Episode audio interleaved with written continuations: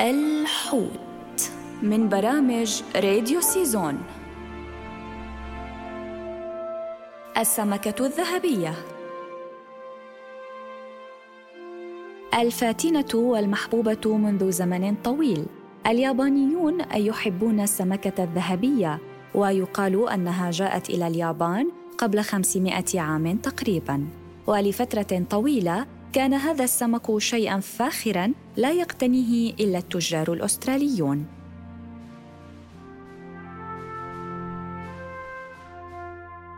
يعتقد أن اللون الأحمر للسمك الذهبي يبعد الشر واللون الذهبي يعني وفرة المال فأصبح هذا النوع رمزا يتفاءل الناس به.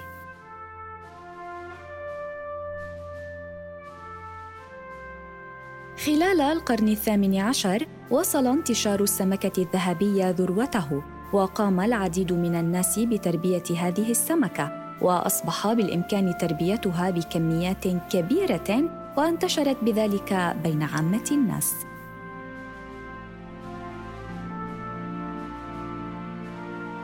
يقال إن نشر أول كتاب عن تربية السمكة الذهبية في اليابان كينغيو سودا تيغوسا ساعد على انتشارها. وهناك أنواع كثيرة من السمك الذهبي نشأت عن طريق التزاوج وتحسين السلالة بين أنواع مختلفه أو حدوث طفرة مفاجئة. السمكة الذهبية تسبح دائما منتعشة في الماء لذا فهي مشهورة بجلب الانتعاش في الصيف وتقام أيضا مهرجانات يكون موضوعها مصابيح السمكة الذهبية.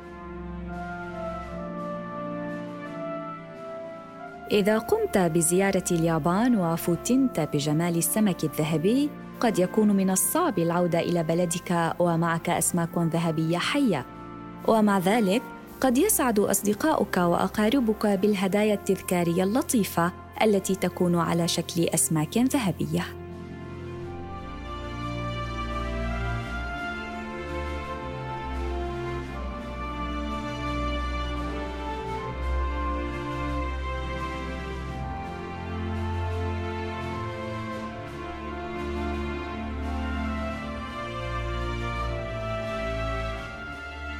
الحوت من برامج راديو سيزون.